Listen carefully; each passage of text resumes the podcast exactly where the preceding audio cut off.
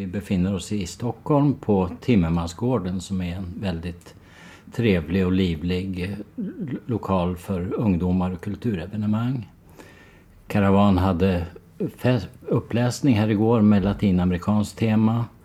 Och idag har vi besök av poeten Juan Carlos Pinheiro. Eh, och eh, jag, John Svedelmark och Birgitta Wallin ska prata med honom om hans dikter.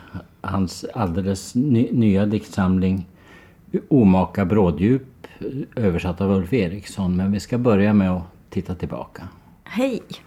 Eh, vi ska också prata om den diktsamling som kom före. Som heter Det räddande arket.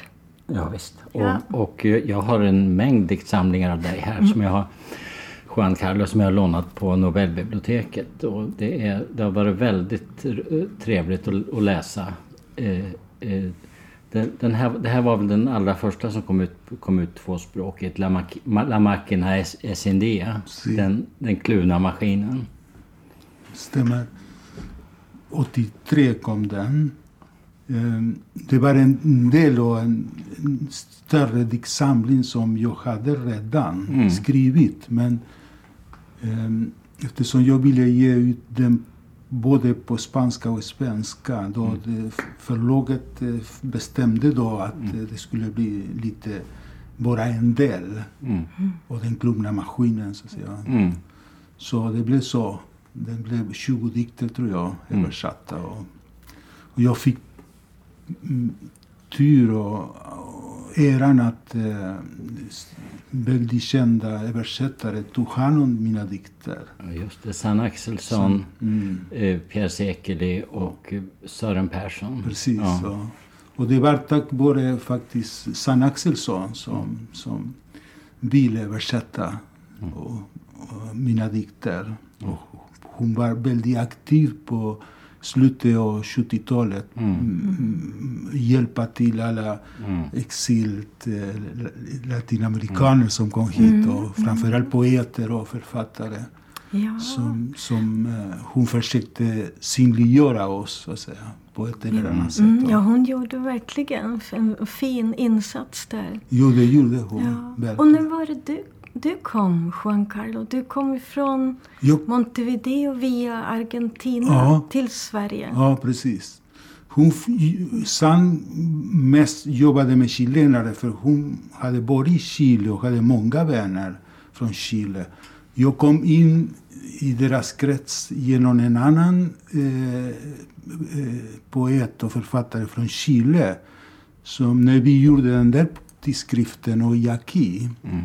Så Ed- Edgardo Mardones hette han. Han var god vän till San Axelsson. Och Ja. på den vägen fick jag kontakt med San Axelsson. Mm, mm. Och hon blev intresserad av mina dikter också. Så, Kan du berätta lite om den här fantastiska tidskriften Oj- Ojeaki? I, idag och här. här Ja. Idag och här. Eh, det, den är, eh, du, hade, du har- tog med några ex, den är omöjlig att få tag på. Den, en väldigt smal tidskrift. Med, Ja. ja, och, alltså smal, smal i bemärkelsen att det är vikt. den, är, den är väl inte alls den är bred på andra. Men det, det, det är vi- vikta stående A4. G- Ganska folkloristisk Ja. for, formgivning. Ja. Och, och den, verkar, den, verkar, den verkar så full av liv Ja. på spanska. Ja. Mycket text sådär. Och, ja. Jo, det, det var en väldigt fin eh, erfarenhet så att säga att göra den. Eftersom vi, vi, de flesta som, som kom hit, eh, det var inte att vi valde att komma hit utan vi, kom, vi var tvungna att komma hit. Och I början mådde vi ganska inte så bra. Mm. Så det var ett sätt att öppna oss, både mot andra eh, latinamerikaner men också mot eh, den svenska samhället. På något sätt visa att, vi kunde göra saker, inte bara eh, må dåligt. Utan, eh, vi ville skapa en, en, en skapande, exilierna skulle bli en skapande eh, tänkte vi. Mm. Och det var genom till exempel att göra den här tidskriften som, som vi försökte eh, skapa kontakt med oss själva. Mm. Och sen gjorde vi så att eh, vi träffades varje gång som eh, det kom ett, ett nytt nummer kom ut. Vi träffades på en alternativ café som fanns då på Getgatan. Ja, och där, Svarta månen. Svarta månen, ja. Mm. Så, så vi, vi bjöd då, vi hade prenumeranter. Så vi finansierade själva den där tidskriften genom prenumeranter. Och så det kom folk då från olika chilenare, argentinare, bolivianer, uruguayare. Svenskar kom också som kunde spanska. Mm. Och, och de, de, kom ibland med instrument och spelade musik. Mm.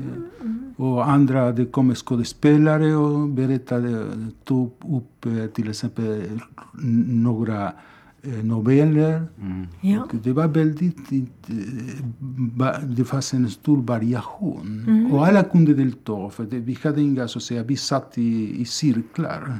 Så att säga, med scenen. Ja. Eller, mm. inte scenen, men i mitten. Det var en speciell scen. Då. Ja. Och det kunde man... Eh, och vem som helst kunde delta. Med mm. sina, inte bara de som vi hade publicerat utan Nej. också andra som, var, som kom bara med sina texter och ville dela ah, deras ah. texter med oss. Det, det blev långa kvällar. Mm. Det blev långa kvällar. Mm. Det, det, Man var, skulle ha varit med.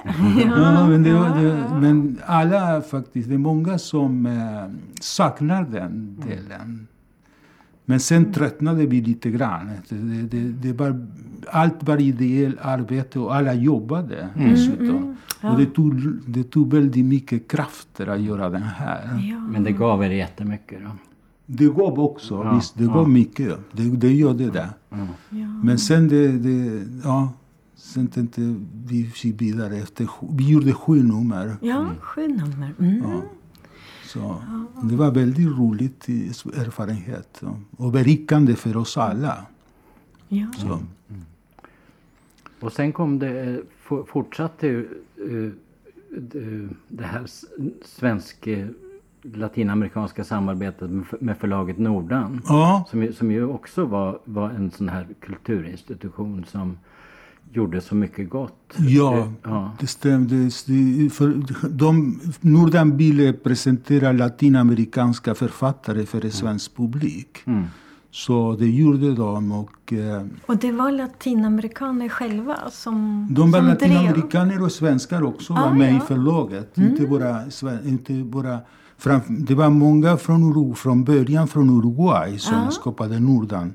Jag var inblandad eftersom jag var med i Uruguay. I Uruguay. Det var ett kollektiv som fanns i Uruguay. Alltså det fanns redan i I Uruguay, fanns ett kollektiv mm. som hette Nordan hette Nordan Comunidad. Va? Mm. Och det pekar på Comunidad del Sur, som var en, en, en ja. kollektiv Mm. Både boende och vi hade också ett tryckeri och ett förlag i Uruguay, i Montevideo. Ah. Så sen eh, efter kuppen det blev splittrade så att säga. De var tvungna att flytta, att fly från Uruguay. Ja, försvann det helt? I Uruguay, ja, ja det försvann ja. Under, diktatur, mm. ja. under diktaturen. Sen kom de tillbaka. De hamnade till sitt här i Sverige. Ja. Vi kom från olika, del, eh, från olika Eh, eh, jag kom genom Argentina. Mm. Men de hade flytt till Peru. Och de kom från Peru hit. Ja. En av dem var väl Anna Valdez? Anna Valdez var ja, en just. av dem. Fast mm. eh, hon träffades Nordan här i Sverige. Mm. Hon var inte med i Uruguay. Det, det, är så, det, är så, det är som brist i svenska språket Birgitta. Att kommunidad går inte att säga på svenska. Det, Nej, gemenskap för Det är gemenskap. Det, det, det, betyder gemenskap. Ja. Mm, mm. Men det är kollektiv. Ja. Det, är ett kollektiv så att säga. För det är inte samma kollektiv som i Sverige. Utan det här var en helhet så att säga. Mm. Vi delade både bostad, arbete och eh, allt ekonomi, allt var gemensamt. Egentligen kommunidad ville visa att det var möjligt att skapa en ny samhälle. Mm. Ja, det låter som det. Verkligen som ett samhällsexperiment. Jo, men det var Ja. en, samhälls, en samhällsexperiment så att säga. Och var ni författare, de som var med? Nej, eller, det, eller? det, från början det var det studenter från konstskolan som startade kollektivet. Eh, och och eh, den som gjorde den där omslaget, hon, det var en som grundade, nej, det är schizofreni Ja, ja. där. Eda Ferreira, hon, hon lever fortfarande. Hon är 85 år. Och eh, hon var med och grundade den där kollektivet. Så tillsammans med en annan, hennes dåvarande man då, Ruben Prieto, som var lärare på konstskolan då, i, i, i, i mitten av 50-talet.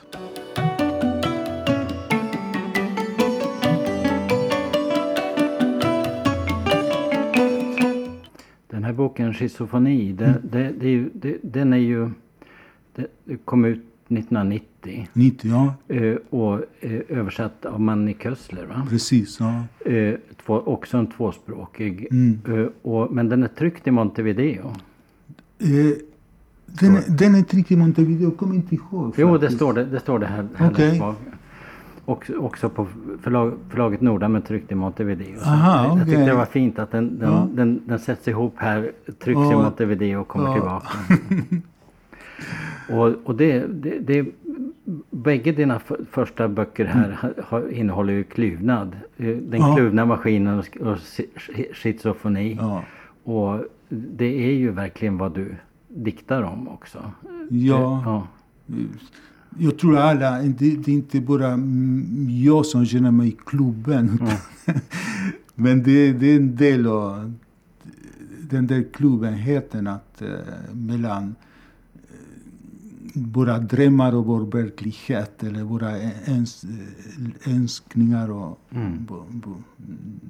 det råa verkligheten som vi upplever. Det är det som gör att vi är klubben, klubna så att säga. Så, och det, den, det kommer inte fram där faktiskt, eh, titel. För titel, det finns en annan del som är bara på spanska. Ja. Som heter La, La, La Máquina Encendida också. Mm. Eftersom de glömde sätta, jag ville att det skulle vara markerat. Det var en del, två, tre delar. Men eh, de glömde det. Och det, det, kom bara på, det finns bara på spanska, La, La Máquina Encendida. Eh, som kom eh, nu kommer jag inte ihåg nu, 96, 86, tror jag, 86 kom den. Och den kom också i Montevideo. Och eh, där står den, den klumna maskin, det står titel på något sätt eh, i en av dikterna Mm. som jag skrev i Buenos Aires. Så, men, men jag tog titeln ändå för jag tyckte det passade för alla dikter. Så Ja. säga, för det, det blir, visar på något sätt den där kluvenheten som många av oss upplever. Maskin, ordet maskin, betyder det att, att det, det är en känsla av att ha reducerats till Ja. någonting som inte riktigt är en människa? Precis. Ja. Jo, men det är det som det står. Och det, det, diktjaget i den... I den nu, nu har jag inte den där eh, boken här, men det, det, det, den erfarenhet som jag upplevde i Buenos Aires så var så hemsk att eh, jag kände mig, så att säga, eller diktjaget kände sig som en maskin. Som, efter, jag såg en, ett, ett, en, en, bar, en, en bebis död i en, en, eh, en alcantarilla. En, en, jag vet inte vad heter det på svenska. I, i ehm, kloakerna. Någon hade slängt ett barn i kloakerna. Jag blev så på, i centrala Buenos Aires. Så, så blev jag påverkad av det. Så, så, så jag skrev en dikt och man känner sig som en, så att säga, en, en, en maskin faktiskt. Hon bara andas men man är en maskin, en, en kluven maskin. Så. Ja, jag tänkte att det också har att göra med alla, din erfarenhet där att du, du först var tvungen att fly Mm. från Montevideo Mm. och sen i Argentina så hamnade du i fängelse. Ja. Ja, det, I Argentina var då, när jag flydde till Argentina, det var, den hade, de, argentinarna hade upplevt en lång diktat, militärdiktatur under 18 år. Men nu hade öppnat sig plötsligt och det var demokrati. Då flydde många uruguayare mm, efter kuppen flydde till Argentina. Och sen blev kuppen i Chile och chilenare flydde också till Argentina. Så det var många flyktingar där i Argentina. Först blev kuppen i Uruguay 70 i juni 73 och sen i, i sept, 11 september 73 i Chile. Så då flydde vi. Och, men situationen i Argentina försämrades ganska fort. Och det var gerillagrupper och det var mycket våldsamheter och militären tog mer och mer kampen mot terrorismen, som de kallades. Och då det blev uruguayare som var där och, chilenare, vi blev misstänk, mis, de misstänkte oss för, för att vara terrorister. Så det var mycket eh, repression mot eh, flyktingar. Och jag hamnade, en, en av mina vänner, vi bodde i ett kollektiv också i Buenos Aires eh, tillsammans med tre familjer. Och hade hyrt ett hus utanför Buenos Aires. Och en av våra som bodde där, som jag, vi hyrde tillsammans huset, var en journalist som jobbade på en, en stor tidskrift, Krisis, som Eduardo Galeano var chefredaktör. Och min vän jobbade där. Och han var på väg hem en kväll efter jobbet med några artiklar, och böcker och eh, det blev en razzia. Och de tog honom från en, en buss. En, och, och, eftersom han hade skägg. På den tiden man kunde inte ha skägg. Var- Han var uruguayare, hade skägg, böcker, artiklar om, om, som talade om marxismen, fast Ah. mot marxismen. Men de som var marxist och Och det var militär? det var militär, militär som militär. gjorde ultra razzior på gator. Och, så. och så tog de honom först. Va? Och den, han hade eh, ID-kort, identitetskort från Buenos Aires, från Argentina. Och där i Argentina man skriver adressen. Ja. Har du adress på din? Så de kollade adress. De tog honom först för uruguayare, skäggigt och intellektuell, var farlig. Och då kom hem till oss. Och då Oh. hittade mig, min, min dåvarande fru och andra. Och då tog de oss till fängelse. Så att säga. Det var innan kuppen i Argentina. Och sen det blev kuppen. Vi hade inte gjort någonting i Argentina. Så säga. Jag hade flytt från kuppen för jag var aktiv inom grafiska fackföreningen. ja. Jag har aldrig gjort någon eh, så att säga, underjordisk aktivitet. hade jag inte. Nej. Så, men ändå var jag tvungen att fly eftersom de sökte mig. För Ja. jag, när det blev kuppen i Uruguay gjorde vi en stor strejk. Under, Så alla som var aktiva då under strejken och som blev förföljda. Och jag, de letade efter mig. De gick till kollektivet och letade efter mig, polisen. Så jag var tvungen att gå under jorden då. Och så småningom flydde jag till Argentina. Men sen i Argentina blev jag tagen ändå. Tänk, ja. Sen det var tack vare Amnesty som vi kom hit faktiskt. Amnesty hjälpte oss att komma hit. Hur länge satt du i fängelse? 16 månader. Men mina barn kom hit först som flyktingbarn faktiskt.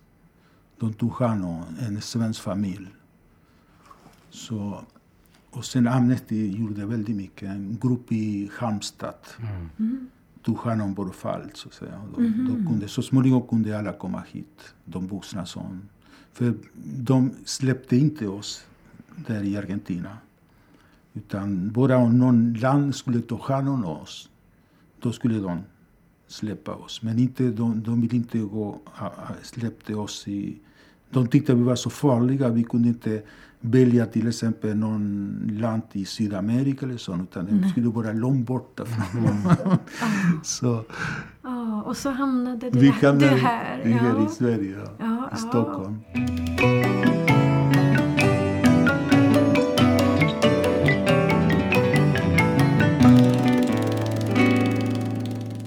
Och i, och i Sverige så gjorde du sen akademisk karriär. Ja, jag var grafiker från början. Ja. Men sen jag, medan jag, jag hade tur också för jag jobbade i olika, jag jobbade på Stockholms-Tidningen från början. Sen så småningom hamnade jag i Svenska Dagbladet. Och där man kunde jobba sju dagar och sen bara sju dagar ledigt. Mm. Så jag, medan jag eh, var ledig läste jag då. Började läsa på universitetet. Så, så, så småningom när det blev, grafikerna blev överflödiga. Jag hade redan en, en eh, fot i den akademiska världen. Då hoppade jag över. Och det var litteratur som du läste då? Ja. När. Ja, Jag började läsa på litteraturvetenskap. Mm. Läste 60 poäng där. Men sen tänkte jag det var svårt för mig då att skriva. Jag, jag hade tänkt att jag skulle fortsätta men skriva en avhandling på svenska, det tänkte jag var svårt. Så jag hoppade över till den spanska institutionen. Och din avhandling handlar om Borges. Om Ja, om Borges, och, ja. och, och jag har bara hunnit bläddra i den men den verkar ganska kritisk mot Borges. I, i, Ja, alltså du älskar honom men, men, men du, du, du, du slår fast att också hans eh, väldigt litterära hållning är- ett ideologiskt, eh, Ja. ett ideologiskt ställningstagande. Ja, ja, det, ja, det som jag eh, försöker visa det är att den världsbild som där hans berättelser förmedlar. Mm. Och jag menar att jag erkänner, jag, jag tycker mycket om Borges som författare. Jag tycker att han var fantastiskt bra. Absolut. Men jag ville visa hans... Eh, att, att, att det, han, alltid sa att han vill inte ha någonting med, med politik eller med ideologi. Och han skiljer totalt det ideologiska och det eh, estetiska. Men jag ville visa att det går inte. Mm. Att det estetiska alltid, och litter, litteratur alltid är kontaminerat av ideologier. Så. Och, och då analyserar jag hans världsbild. Och vad innebär då hans bild? Vilka, vilka ideologiska eh, aspekter har den, hans världsbild? Eller inte hans, utan hans ro- världsbild. Till exempel, vad, vad betyder att han eh, relativiserat hjälten och, och förrädaren i hans texter? Har någon, någon betydelse eller är det bara en tryck? Är det en, en, så att säga, en, en litterär tryck? Men, Mm. men det betyder också andra saker. Relativiseringen är, är en politisk En handling. politisk handling, ja det tycker jag. Här undrar jag om vi skulle kunna anknyta till eh, den, här dikt, den här dikten om, om Brecht och, och vad Brecht, vad Brecht kan, kan göra. Dina dikter tar ju upp den här frågan om poesi och politik. Jag tänker på en, en dikt om, om, som frågar vad Brecht kan göra eh, för världen som är i någon av de senaste diktsamlingarna. Eh, Ja, ehm, vill du att jag ska läsa den? Ja, kan, du, ni kan väl läsa den bägge två Ja, så pratar ja. vi lite om den.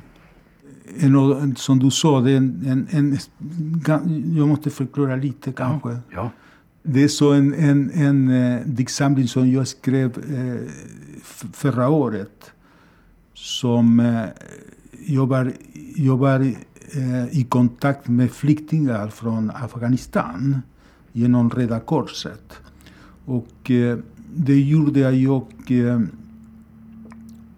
gick, jag, jag, jag fick eh, träffa de där flyktingarna en gång i veckan ungefär.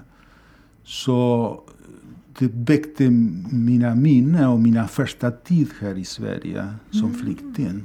Och då gick jag till mina anteckningsböcker. Jag har, jag har skrivit sen jag kom hit eh, an, eh, dagböcker. Mm. Så jag gick och kollade vad hade jag skrivit i början av min, min vistelse här i Sverige. Och då hittade jag en massa med texter som, som jag tänkte jag, jag, jag, jag ville skriva. Då. Jag så att säga, bearbetade de där texterna. Och, eh, för jag tänkte att den här det är också andra. De, de känner, jag, jag tror att de också känner ungefär likadant. Det är många som kan känna det som jag kände när jag kom hit. Och det, det, det som jag försökte förmedla, det är någon person, man behöver inte vara flykting heller, men det är någon person som hamnar i en ny situation, som har tappat fotfäste, så att säga. Som, som kan uppleva sig själv på det här sättet.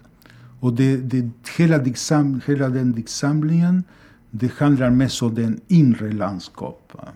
Eh, inte det, så mycket om den yttre, utan det handlar inom, inom diktjagets eh, själ, så att säga. Mm, mm. Så, så jag skrev den här eh, ganska fort, egentligen.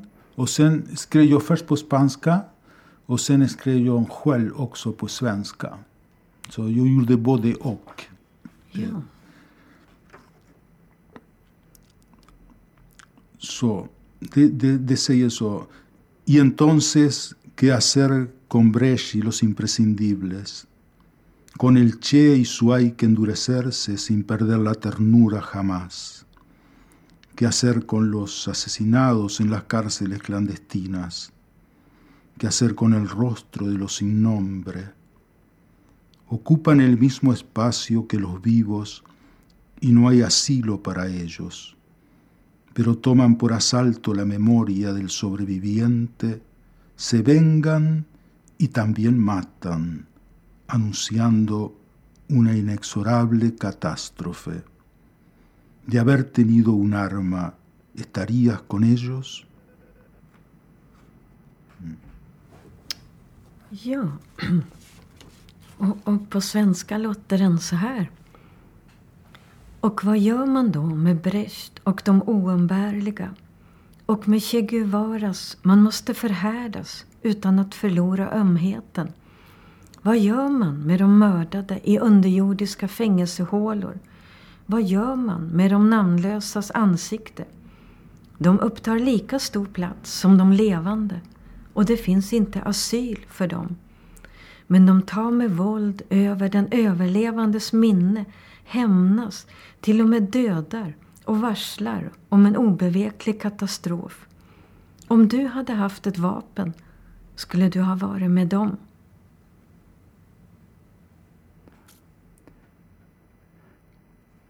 Jag, när, när, du pratar så tänker jag på just det här att du, du, du har en flykt, eh, flyktingerfarenhet och en erfarenhet av, av litteratur, att litteraturen kan hjäl hjälpa till att, att överleva och, och, och eh, finna, återfinna sig själv. Mm. Och, och, och, det, det är, och, och, att du känner igen dig i, i samtidens flyktingar och an, mm. andra, andra rotlösa. Och eh, jag, jag tänker ju att eh, det, det, det skulle göras AJ Aki-tidskrifter för för lite varstans bland, mm. bland de som kommer nu också. Mm. Det. Ja, för det är just, jag tycker när jag läser de här dikterna så känner jag att det måste vara en väldigt allmängiltig mm. känsla mm. för en flykting eller för någon som mm. har förlorat något. Mm.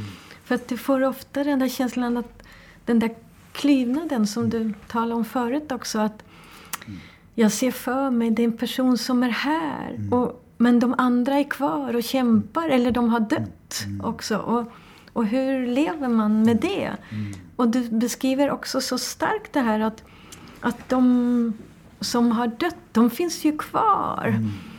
Och påverkar de som är här och lever. Mm. Eh, det kommer också i din, den där senaste diktsamlingen mm. Mm. som heter Omaka bråddjup. Så är det också en dikt om att de här försvunnas mm. längtan, också mm. deras längtan mm. finns kvar som mm. i luften och överallt. Och den försvinner inte mm. fastän de är försvunna. Ska du inte läsa den också? Ja, Den har kanske inte du tagit fram på spanska, men... Nej. Men du kan läsa? Ja, då, då läser jag den. Under cypressernas förtvivlade fukt och i snöns febriga skuggor, i höstens virvelvindar och havets brytningar vid blindskären, varhelst himlakroppar glömmer svaga återsken, består den försvunnes längtan utefter karga vägar sammanflätad med överlevarens steg. Det här är översättning av Ulf Eriksson. Ja. Precis. Men som man hör här att det, det återkommer mm. hos dig, det, det temat. Mm. Och här mm. är som ett slags svenskt vinterlandskap. Och, men de försvunna är med. Jo, jag har märkt faktiskt. Jag har läst... Eh, eh, jag har kollat på några dikter och jag, jag, jag, jag också förstod att det, det förekommer oftast faktiskt. Det, eh, jag kan inte glömma. Jag, jag, det, det gör inte eh, uppsiktligt. Men det, det, det kommer flera, eh, i flera av mina dikter. kommer.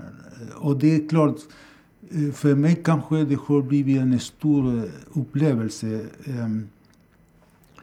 Du, ni vet kanske att det nästan 30 000 försvann i Argentina under diktaturen. Mm. Och bland dem många av mina vänner. Och jag klarade mig, för jag hamnade i fängelse innan kuppen. Och jag hade inte hamnat i fängelse om jag hade hamnat i fängelse efter kuppen mm. kanske mm. jag, jag var inte här. Nej. Så det är många som sagt, då, det är klart jag, jag har blivit präglad och jag kan inte glömma, eh, jag glömmer inte dem. Och då, då då dyker de upp i, när jag skriver. Så, ja. så um, ja. Jag hoppas att det inte blir så för mycket, men, men det har blivit på det sättet nu.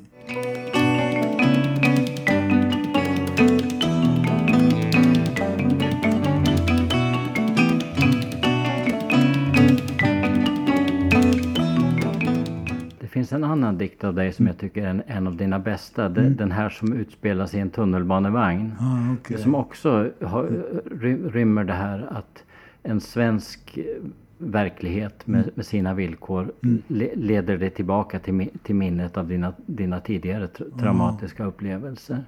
Den är i diktsamlingen som heter Där inga änglar finns. Och, eh, får jag läsa Manny Köstlers översättning? Mm. En man har satt sig mitt emot mig. Den ryska kvinna jag pratar med säger Usch, jag orkar inte. Hon reser sig och går. Och jag hör andra göra detsamma. Hela tunnelbanevagnen flyttar på sig när han slår sig ner med sina härskna lukter. Urin sedan urminnes tider. Sprit som röjer en resa utan återvändo. Jag sitter kvar, säger jag till ryskans rygg och jag stannar av nyfikenhet. Stannar trots ryskan och kanske trots alla andra. Stannar på pin kiv för att jag inte förstår, för att mina nervceller är tröga eller kanske närsynta. Jag stannar i det sura moln som omger honom. Stannar för att i hans blick få syn på ett tecken där jag kan känna igen mig. Stannar medan jag minns hur jag stank som han och såg ut som en trasa. Men det är klart, tortyren låter mig gå fri och jag kan rent av lära, låta mig se som hjälte och gömma handen, sluta näsan, sluta munnen. För att slippa se honom. För att slippa se mig här i hans Stockholm. I en värld som inte längre är vår. Mm. Jag tycker den är så bra. Mm. Vill du ta den på spanska? Väldigt stark. Un hombre se ha sentado frente a mí. La rusa con quien hablo me dice, ush, orcar inte, y se levanta y se va. Y oigo a otro repetir el mismo gesto.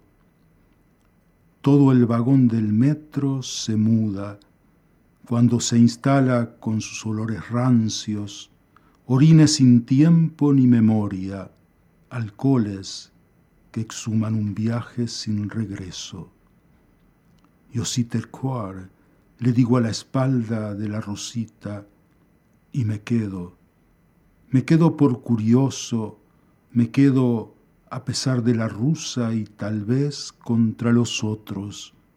Me quedo porque sí, porque no entiendo, porque mis neuronas son torpes o quizá miopes, me quedo en la nube ácida en que se envuelve, me quedo para ver en sus ojos una señal en la que pueda reconocerme. Me quedo mientras recuerdo cuando yo apestaba como él y mi aspecto era una piltrafa. Pero claro, a mí, a mí me redime la tortura y hasta puedo hacerme pasar por héroe y esconder la mano, cerrar las narices, cerrar la lengua, para no verlo, para no verme aquí, en su Estocolmo, en este mundo que ha dejado de pertenecernos. Mm, tack. En grej vi inte har pratat om, ett annat projekt du har, det är tidskriften Exilien. Ja. Som ju nästan är berömd. Mm.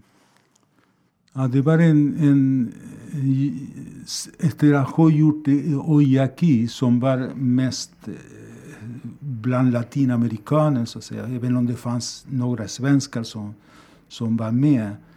Men eh, då ville jag göra någonting tillsammans med svenskar. Och då startade vi det här projektet Exilien och vi ville publicera också dikt, eh, poeter från Latinamerika som i svensk översättning och sen är svenskar. Så att säga. Som, som på svenska. Så. Mm. så det blev en tvåspråkig tidskrift. Så så vi gjorde tolv nummer egentligen. Och så gjorde vi själva genom prenumerationer och så. Det är mycket ideellt arbete och vi fick väldigt mycket hjälp. Mm. Och, och kollegor, kamrater, eh, arbetskamrater så säga, som hjälpte oss och med, med tryckning och... Ja. Med Vi måste berätta hur fantastisk den var, för jag kommer ihåg mm. den tidskriften. Tyvärr har jag inte kvar. Ja. Men man fick den som i ett eh, kuvert. Ja. Och så stod det så vackert skrivet Exilien utanpå. Och inuti var det bara ark. inte en tidskrift som är tryckt och eh, sammantryckt, utan tryckta blad. Men, men i ark. Ja, i läsablad. Ark, läsablad, just det. Just det. Och, och, det var en sån speciell och härlig ja. känsla. Och... Ja, det var väldigt roligt faktiskt att göra den. Ja, verkligen. Det, det som vi ville visa, exilien, det, det var en felsägning egentligen. Mm -hmm. När vi höll på att eh, starta tidskriften då hade vi ingen namn. Och så jag råkade, råkade säga istället för exilen mm. Så jag exilien. Genial. Eftersom på spanska säger silio. Mm. Ja. Och jag, så, jag sa exilien. Och då, då en, en som var med där i början eh, sa, jo men det har ni namnet där på tidskriften Exilien. Ja, ett la, ett, och det var ett, ett, ett, ett, ett, land med många röster. Mm. Mm, ett eget land. Ja, ett land. Och, och, det, och det tänkte vi så, det var Exilien, det är ett land med många röster, ett land utan gränser. Fast det var just gränserna som gjorde att det landet eh, uppkom, så att säga. Så tänkte vi. Så det, nej men det blev väldigt faktiskt uppmärksamt. Vi blev förvånade. Och det var kul för det var jag tror att den första som skrev om den, om den, eh, om den exilien, det var Ulf Eriksson mm. i Aftonbladet. Mm. Mm. Det var den första som uppmärksammade Jaså, den. Ja. Det var, när vi fick veta att någon hade skrivit om oss, det, vi blev jätteförvånade. Och när kom den här Det kom i slutet av 80-talet, den första mm. nummer. Ja. Det var 89 tror jag. 88 eller, 88 eller 89 kom den. Första nummer. Och han, redan, eh, han var antagligen, eh, jag vet inte hur han fick tag i den, det vet vi inte. Nej, nej. Och hur länge fanns den kvar? Till 92. Ja. Vi försökte göra fyra nummer om året, men det blev, ibland blev det inte fyra nummer. Men till sist 88 till 92, 12 nummer. Mm. Sen det var väldigt mycket jobb faktiskt. Så gjorde vi också där presentationen. Men då fanns Poeternas estrad. Jag vet inte om ni minns det. Så, så vi gjorde där, varje gång vi gav en nummer gjorde vi en poesiuppläsning på Poeternas estrad. Vi Ja. samarbetade med dem. Så det var roligt för det var som sagt svenskar i redaktionen. var det två svenskar och två latinamerikaner. Så. Och sen många som hjälpte, massor med som vi fick hjälp så att säga. För många som stödde oss. Och vi finansierade själva också. Den är jättesvår att få tag på. Det, det, jag tror att det är en sån där grej som inte ens antikvariaten förstår. Ja, nej, jag har några ex i, i, i, i källaren. För jag, jag tänker att i, i- de här digitala tiderna att man skulle skan, någon skulle skanna in alltihopa och pu- Ja. publicera. Det blev väldigt känt faktiskt på Ja. 90-talet som en lite speciell, för det var alltid var lite speciell i den Ja. tidskriften. Och du har ju fortsatt med den formen. Eller man kan säga att du har återupptagit Ja, det med de här precis. två senaste diktsamlingarna. Ja. De är ju så fantastiskt fina, verkligen. Jo, jo, mm, Också med det här ja, lösbladssystemet. ja. Det är på gott och ont, men det, det, poesi passar bra tycker jag. Det, Och det är fina illustrationer Ja. också. Flera Den- stycken i den senaste. Ja. Det- Maria Anna, No, Anna Maria, Anna Maria Bollier. Bollier. Hon ja. är med här också. Hon som, Oj. I, i ja. Redan på den tiden. Ja, Ja, så, hon är här. Ja. Hon var också från Comunidad del Sur i Uruguay. Ah. Hon är bosatt nu i, i Barcelona, Mm. Anna Maria. Och hon vi samverkar med, hon medverkar med, med mig. Ja, och den är verkligen vackert gjord. Mm. Det är ju genomgående i, i de flesta böckerna det här samarbetet mellan det grafiska och Ja. me, mellan, mellan, mellan grafisk konst, små, små krumelurer Ja. och, eller, eller, eller stora sto, och, och, och text. Och det, det är ju så, det är så spännande. Men, det, men det är kanske en tradition som finns i, i har fu- har funnits sedan länge inom den sydamerikanska modernismen. det Ja, det vågar jag inte säga. Nej, det, kän, det, det, det är väldigt roligt att läsa. i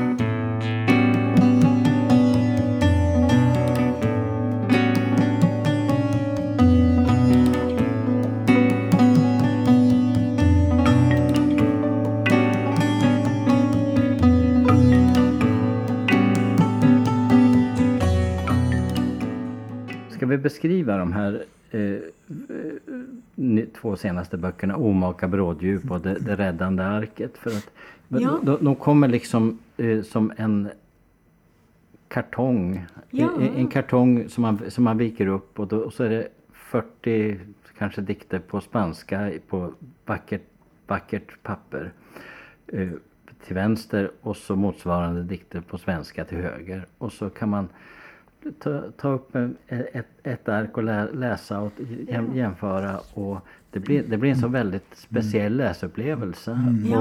Och, och också den här lite känslan av att det, att det är konfekt. Att det, att det är någonting gott och välsmakande.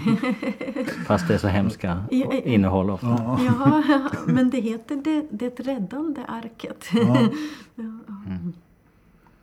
Kanske ska säga någonting om titel. Mm. Eftersom det det är ingen översättning.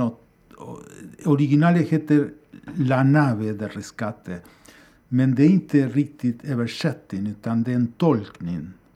Eftersom som det framkommer i, genom, i sista dikten där. Det, redan, det redande arket är den redande arken. Alltså, Ja, No- Noas, Noas- Noas ark och pappersarket. Ja, Ja. precis. Det är meningen. Ja, ja. Så ja, det, det som räddar det, Mm. Mm.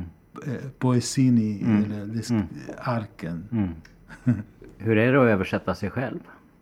Ja, det var en stor erfarenhet faktiskt.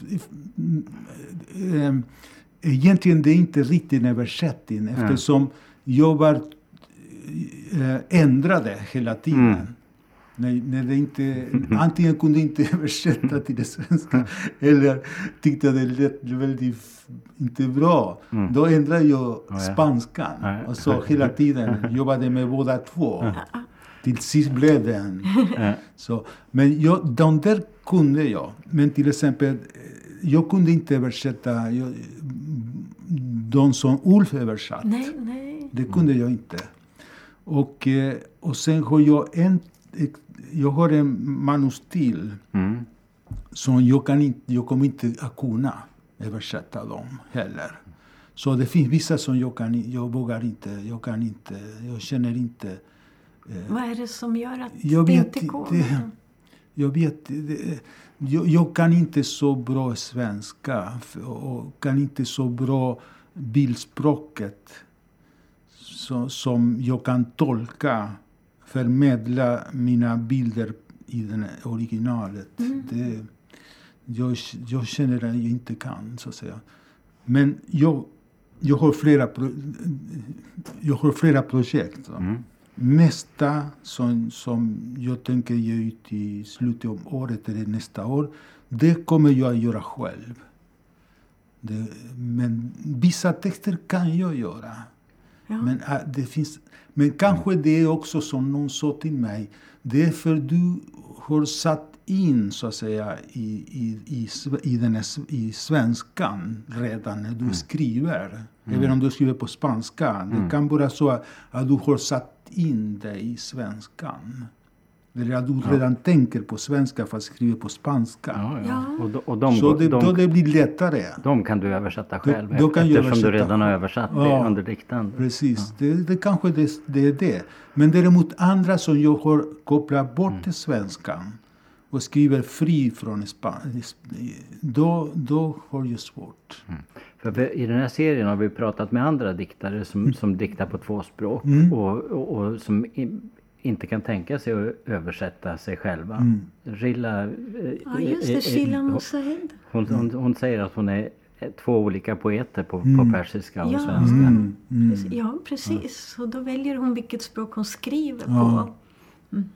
Ja, men det kan, Ja, vara ja. Så, ja, det kan vara så med mig också. antagligen. Mm. Det, det, vissa kan jag som sagt, men inte andra. Får jag fråga de här fina eh, utgåvorna med, med lösark. Ja. Be, bekostar du dem själv? Ja, det gör jag visst. Ja. Jag, jag var tvungen, att- eller tvungen, jag skapade en liten firma. Ja. Så eftersom jag ville att allt skulle vara mm, allt. Man måste ha om man ska så att säga. Man måste ha Ja, just det. Ja, moms och allt. moms och allt. Så, så gjorde jag en, en liten firma Mm. och eh, satsade lite pengar för Mm. Bekosta det. Ja. Så, Mm, ja. så vi får se. Nej, de Det är vi så, tacksamma för. så vackra, ja. Jag tänkte när vi pratade där om, om det räddande arket Mm, mm. Och, eh, så nämnde du den sista dikten Ja. där. Att, eh, om vi skulle läsa den kanske, för den Okej. handlar också om, om språket som en, en räddare. Mm. För, men i en del dikter så uttrycker det ju också motsatsen. att till, eh, till exempel du citerar Rafael Alberti, spanska poeten Mm. som sa orden har förlorat sin styrka, svårt skadade dör de. Mm, mm, mm. Så att det finns ett tvivel Ja. som också är starkt. Men samtidigt så, så finns, finns det där andra, det språket ändå, Mm. ändå kan göra. Jo, det, jag tror att de, jag vet inte om det bara på, inte bara de som skriver poesi som ma, ibland känner sig maktlös och eh, att, att, att ordet inte räcker till någonting. Så det, jag tror att om man gör någon sorts eh, revolt mot ordet. Va? Jag tror att Octavio Paz har skrivit också en dikt om den, om den där och skrivit att eh, den behovet att göra revolt mot själva ordet. Och, mm, Förr eller senare, vi som använder ordet eh, känner den där behovet. Och jag har känt också vissa, vissa situationer eller vissa moment i mitt liv att eh, ordet räcker inte alls till något. Men samtidigt är det hoppet också. Och det, en gång frågade mig någon journalist om vad hade betytt poesi till för mig. Och, och jag sa det, egentligen utan poesi hade jag inte räddat mig. Det sa jag. Mm. Och, eh, det, det, det var väldigt viktigt för mig, poesin. Att kunna gå till poesin och, och skriva. Och, Så samtidigt är det klart, jag, men ibland som jag skriver i första, bok, första dikten som finns där, mm. Den klona maskinen, mm. skrev jag, det är den första dikten, det heter Ordet, va? Om jag inte minns fel. Ordet. Den är, det är den första ja. dikten som jag skrev här i Sverige på en flyktingförläggning. Mm. Och det också finns där. Det är ingen, det är ingen positiv bild av ordet. Men eh, jag kände också så. så att säga. Ordet kan vara positivt men också kan tillbringa döden. Så. Men, och, och, det där är ju allmänmänskligt. Att mm. vi, vi, är både i exil i språket och samtidigt kan är det språket, mm. på, på, innehåller språket och poesin våran räddning. Mm. Ska, vi läsa, ska jag läsa upp den här ordet-dikten? Ja. Klumpigt, tomt, fattigt stiger ordet fram. Som ett litet djur eller som en blind fågel livnärde sig i minnenas mellanrum. Nämner gamla ljud, ekon, upplösta masker i de genomresta landsflykterna. Och som drömmar redan förnekade, utan möjlig identitet, kliniskt döda men obegravda. Varje del kungör då sin återresa och i orubbliga dyningar dunkar de och det otillgängliga nuet blöder. Ögonblicket är en absurd väg, ett ohållbart val, en matematisk fälla där enheten inrättar sitt stadium, där de oåterkalleligt lösryckta delarna försöker bebo oss. Endast det medbrottsliga ordet, prostituerat och svultet, leder och avrundar farsen, förkunnar, nämner, gör slut på, dödar. Det är väldigt ambivalent. Mm. Kan, kan, du inte läsa upp den där slutdikten också, ja, Gitta? Som, vi kan som, ja. Eh, fortsätta med den då efter den där. Den, den låter så här. Med utsikt mot skogen och fåglarnas flykt. I dig nyckeln till det aldrig tidigare upplevda. Du kommer alltid att förbli det främmande elementet i ett alltigenom likt landskap. Men det är möjligt att återvinna det jungfruliga bladet och bygga upp bokstav för bokstav en räddande ark. Mm. Och jag tänkte också på i den här den senaste diktsamlingen, mm. Omaka bråddjup, så mm. är det en del tillbakablickar till barndomen mm. också. Och det, och det är på något vis som att olika tider pågår mm. samtidigt. För det mm. finns också mellanavdelningar här mm. som heter Begynnelser, är den första. Mm. Och sedan på genomresa. Och den sista fråntider. Mm. Och vad är de här fråntider? Ja, det är, jag skrev på spanska desvenires. För det det är ett ord som inte finns. Va? Mm. Det finns inte på svenska heller. Nej, nej. nej. nej. Det, det, Ulf, det var, tycker jag, det, hittade en bra översättning av Desvenire finns inte heller på spanska. Så jag, jag menar att det är den där att eh, tiden går fram och tillbaka i, samtidigt. Eller, det är det som jag, jag menar att, eh, eller jag ville mena. Ja. Jag vet inte hur jag menade. Ja. Men att det, det bara i, det hela tiden fram och tillbaka. Allt, allt finns i oss. Mm, mm. Så eh, Eh, den där, den där diktsamlingen, till skillnad från den räddande arket som händer mest i, i, i den, beskriver mest den inre landskap. Ja, mest. Den är mest den resa också in, inom det inre landskapet men också i, i den yttre landskapet. Och den resa som jag har gjort när jag återvände till, till Uruguay och det, det, det, är tre delar, det som, som du sa. Eh, den första är förberedelser till resan. Sen är, när jag är där och sen när jag kommer tillbaka till Sverige. Den, fram och tillbaka så att säga. Och samtidigt det, det, den resa också inom tiderna. Mm. Inom det, det nuet och det förflutna. Och det är mycket om också det var eh, om, om barndomen. Ja. Och det, det, det, det roliga var, har varit att nu ska vi, eh, Ulf Eriksson och jag, mm, vara tillsammans och läsa ur våra diktsamlingar. För han kom också ut med en ny diktsamling. Som också går tillbaka till barndomen. Ja, just det. och det roliga var att han, hit, han har hittat eh, gemen, även om jag, vi, vi är helt olika eh, poeter så att säga, eller personer. Visst. Men samtidigt har massor med eh, kommunikation. Ja. Och eh, vi kommer att göra en, en, en sån eh, poesiuppläsning där man hittar var, dikterna hittar på något sätt varandra. För att de är så olika. Precis i de platserna, för han också skriver om platser, eh, om barndomen. Och, och, och då hittar vi, vi, eller dikterna har hittat varandra. Ja, det- spännande. Det, ja, det kommer att bli, jag tror det kommer bli väldigt fint. faktiskt. Ja, ja. Och, och skriver du på något nytt nu? Jag har skrivit färdigt den svenska versionen. Och då är den på, jag har lämnat till en vän. För att den ska kollas. Det blir den här. Ah, den är redan...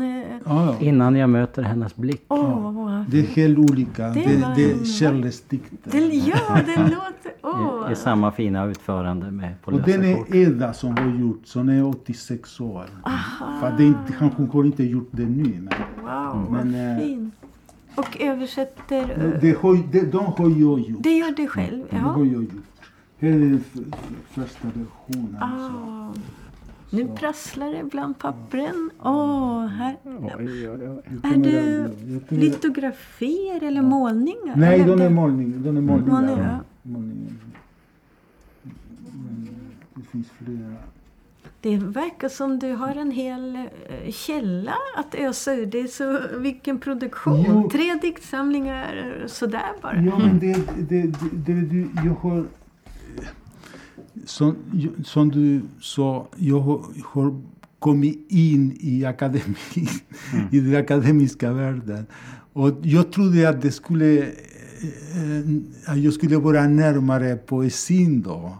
Men det, det blev inte så eftersom det tog så, alla mina krafter gick på undervisning och skriva artiklar. Och, så jag kunde inte skriva de, de, när jag väldigt, eller inte göra, jag skrev alltid men, men inte kunde så att säga koncentrera mig för att eh, färdiggöra mina texter när jag jobbade på, som, som, som lärare.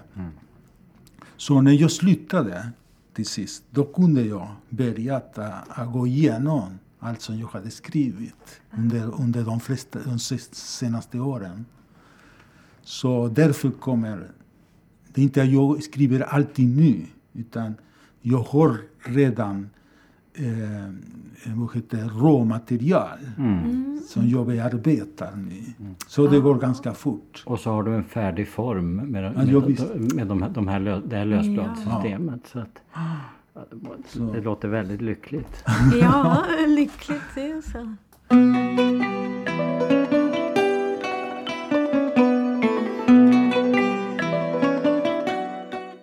Ja, då börjar det bli dags att avsluta här och kanske vi kan få se på någon av de nya dikterna och lyssna på en utav dem. Okej, ska jag ta den här gräsanden? Det- Du har...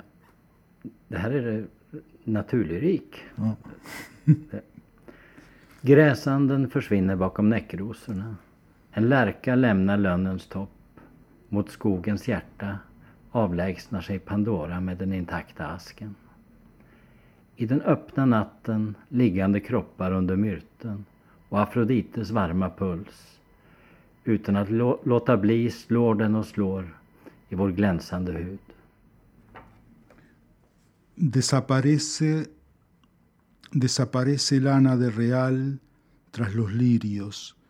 Una alondra abandona la copa del arce. Hacia el corazón del monte, Pandora se aleja con el ánfora intacta. En la noche abierta, cuerpos tendidos bajo el mirto.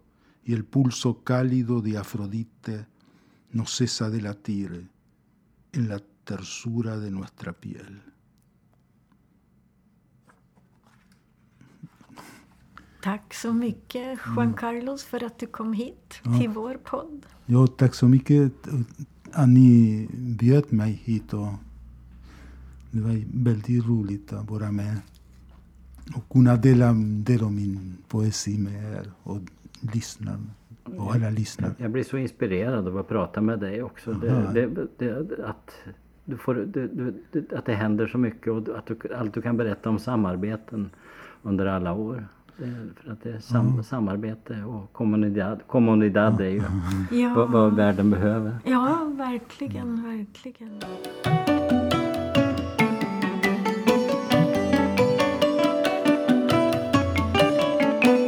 Det här var fjärde avsnittet av Karavanpodden med Juan Carlos Pineiro som gäst hos Birgitta Wallin och mig John Svedenmark.